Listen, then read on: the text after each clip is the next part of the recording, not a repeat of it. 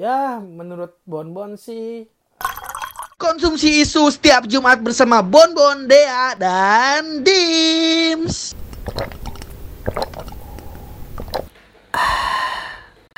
Eh, halo dek.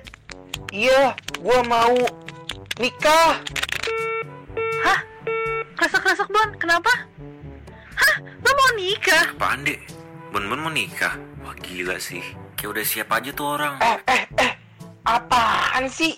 Ini sinyal gue jelek. Gua mau ke nikahan sepupu gua. Ye, udah pada marah-marah aja. Gua mau masih jomblo. Uh. Ya elah. Halo Heroes, balik lagi ini bersama Bonbon, Dea, dan James di Infuse Meter yang akan memberikan kalian asupan isu setiap minggunya. Nah, Heroes seperti biasa nih, drama di atas merupakan pokok bahasan yang akan kita bawakan pada minggu ini nih. Yaitu tentang nikah muda. Waduh, nikah muda Heroes. emang nih ya, nikah muda ini emang lagi hits nih belakangan ini karena banyak influencer yang akhirnya memutuskan untuk uh, nikah muda nih karena ya mereka kan ibaratnya udah mapan lah ya udah punya uang segala macam karirnya udah bagus gitu kan terus ngapain lagi? Akhirnya ya udah mereka menikah gitu di umur yang masih muda bahkan 20 tahun awal-awal 20 tahun lah. Sebetulnya fenomena nikah muda ini udah ada dari zaman zaman dulu sih Heroes karena nikah muda ini zaman dulu tuh lazim lazim aja gitu. Bahkan dulu ini cerita dari gua aja sih dulu eyang gua tuh ibunya nenek gua itu bahkan menikah di umur 15 tahun. Dan ya akhirnya dia punya anak sampai 17 anak. Dan bahkan nenek gua sendiri pun dia menikah di umur 20-an awal gitu. Sekitar 21 22 tahun tuh dia udah menikah. Menikah muda tuh harus banget dipikirin ini sobat heroes. Karena nikah itu bener-bener gak bisa dibuat main-main gitu nggak nggak kalian kayak pacaran gitu. Kalian suka jadian bosen putus. Kalian berantem putus. Kalau nikah tuh nggak bisa kayak gitu men. Nikah tuh wah bener-bener apa ya itu bener-bener perlu tanggung jawab yang lebih gitu. Belum lagi ntar uh, akan memiliki anak dari pernikahan itu kan. Itu juga harus uh, kalian pikirkan gimana masa depan anak kalian seperti nah heroes ini kan semua pendapat bon-bon aja nih nah tapi kali ini bon-bon udah ditemenin nih dia adalah Bang Ferian Febriansyah dari Duta Genre Daerah Istimewa Yogyakarta. Wah, nah tadi kan di atas tuh Bon Bon udah jelasin kan topik kita ini uh, tentang nikah muda. Nah, gimana kalau sekarang kita tanya pada ahlinya nih yaitu Bang Ferian. Nah, Bang, gue mau nanya nih Bang. Jadi pengertian nikah muda itu apa sih Bang? Sama ciri-ciri sudah siap nikah tuh seperti apa sih Bang? Terus menanggapi pernikahan usia muda di luar yang disarankan tuh seperti apa sih bang? Terus gimana sih konsekuensi jangka panjangnya jika kita melakukan nikah muda nih bang? Dan yang terakhir gimana sih bang pendapat abang nih bahwa dewasa itu tidak melihat umur? Nah, mungkin Abang Ferian dari Duta Genre Daerah Istimewa Yogyakarta bisa menjawab nih. Silakan, Bang. Baik, sebelumnya perkenalkan nama saya Ferian Fembriansyah. Teman-teman bisa memanggil saya dengan nama Ferian. Saya merupakan duta generasi berencana atau genre tahun 2018 dan setelah e, mengabdi di masyarakat selama satu tahun, saya melanjutkan bergabung ke dalam Forum Genre Daerah Istimewa Yogyakarta. Baik, untuk pertanyaannya mengenai pengertian nikah muda dan ciri siap nikah, yang perlu kita pahamkan bersama teman-teman mengenai pengertian muda itu sendiri. Kalau boleh saya sebut, muda di sini bisa mencerminkan tiga hal atau tiga tahapan gitu ya. Yang pertama itu adalah muda anak-anak, yaitu mereka yang berusia di bawah 18 tahun.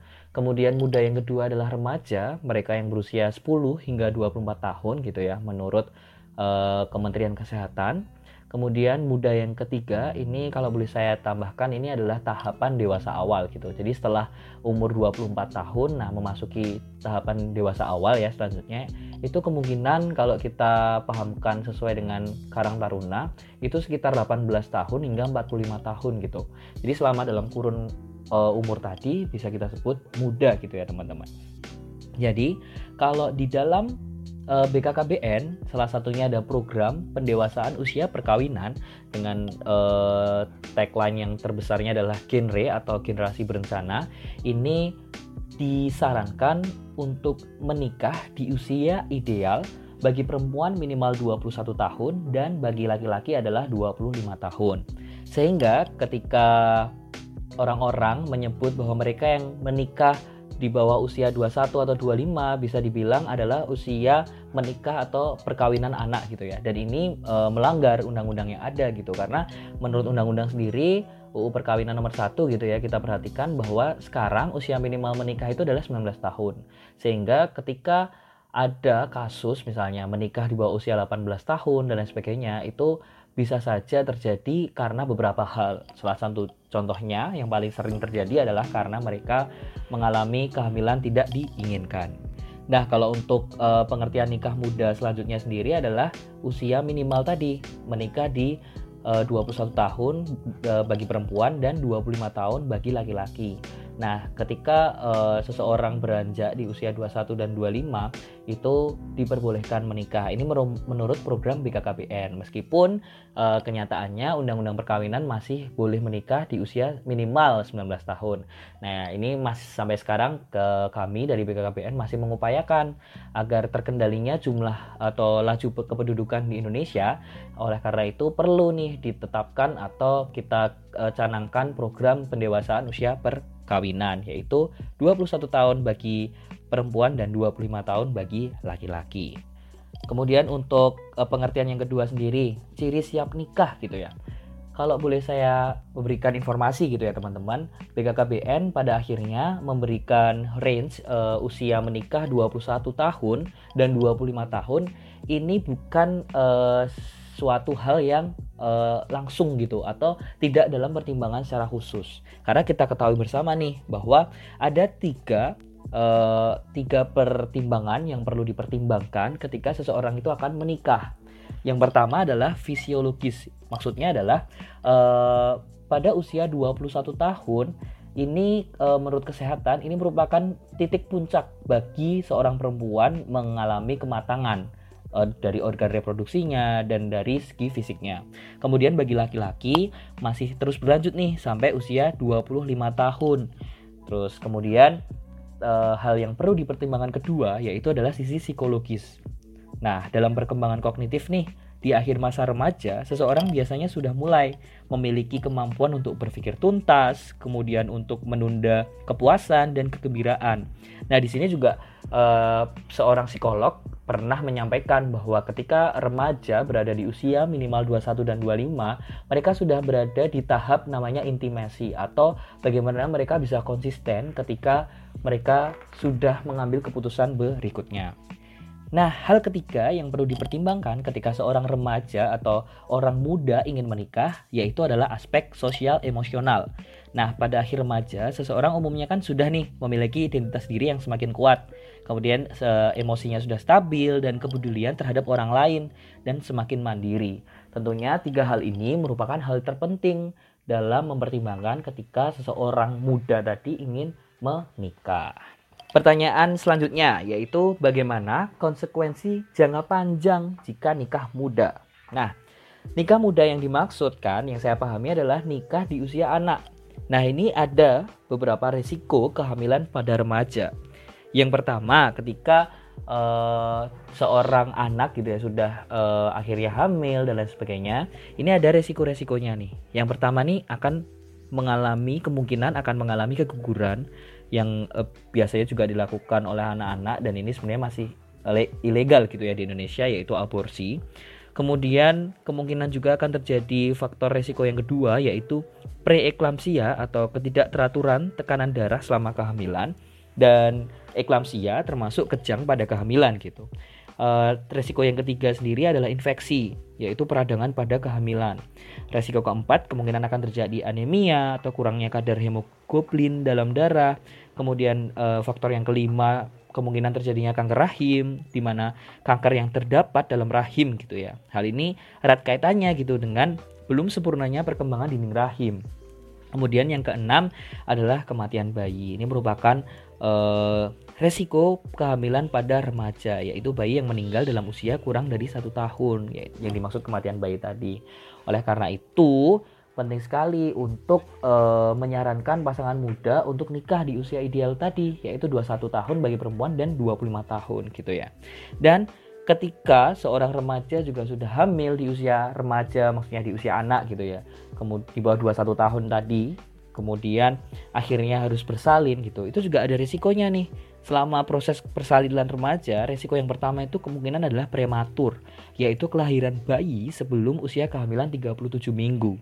Kemudian resiko proses persalinan remaja yang kedua yaitu kesulitan persalinan yang dapat disebabkan karena faktor dari ibu atau mungkin dari bayi maupun selama proses persalinan itu terjadi gitu.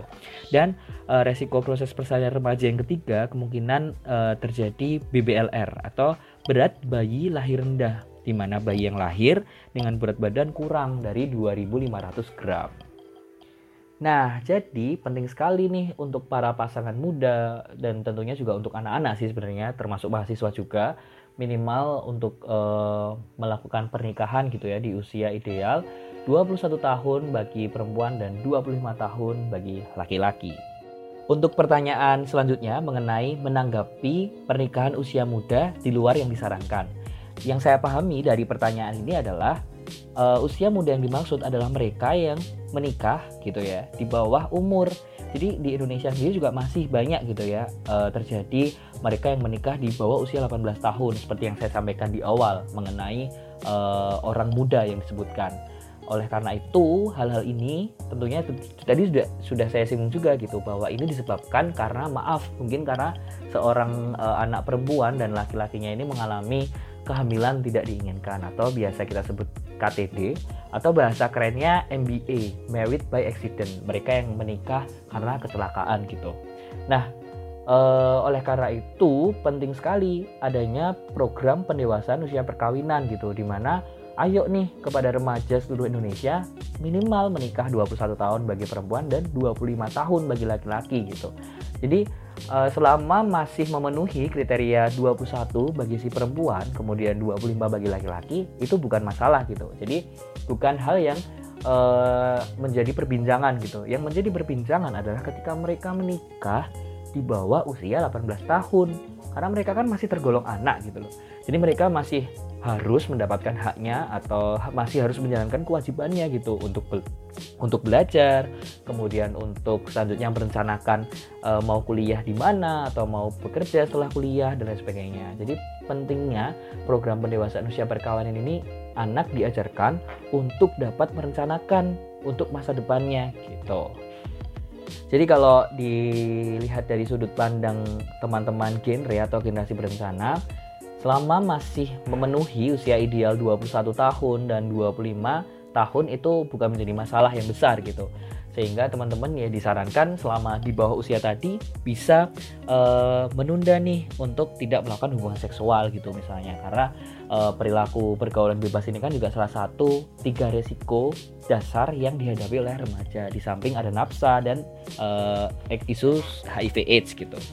Nah, ketika teman-teman juga sudah eh, apa ya mendeklarasikan dirinya untuk melakukan pendewasaan usia perkawinan gitu ya atau PUP ini juga disarankan gitu untuk pasangan muda untuk satu menunda perkawinan dan kehamilan sampai di atas 21 tahun dulu.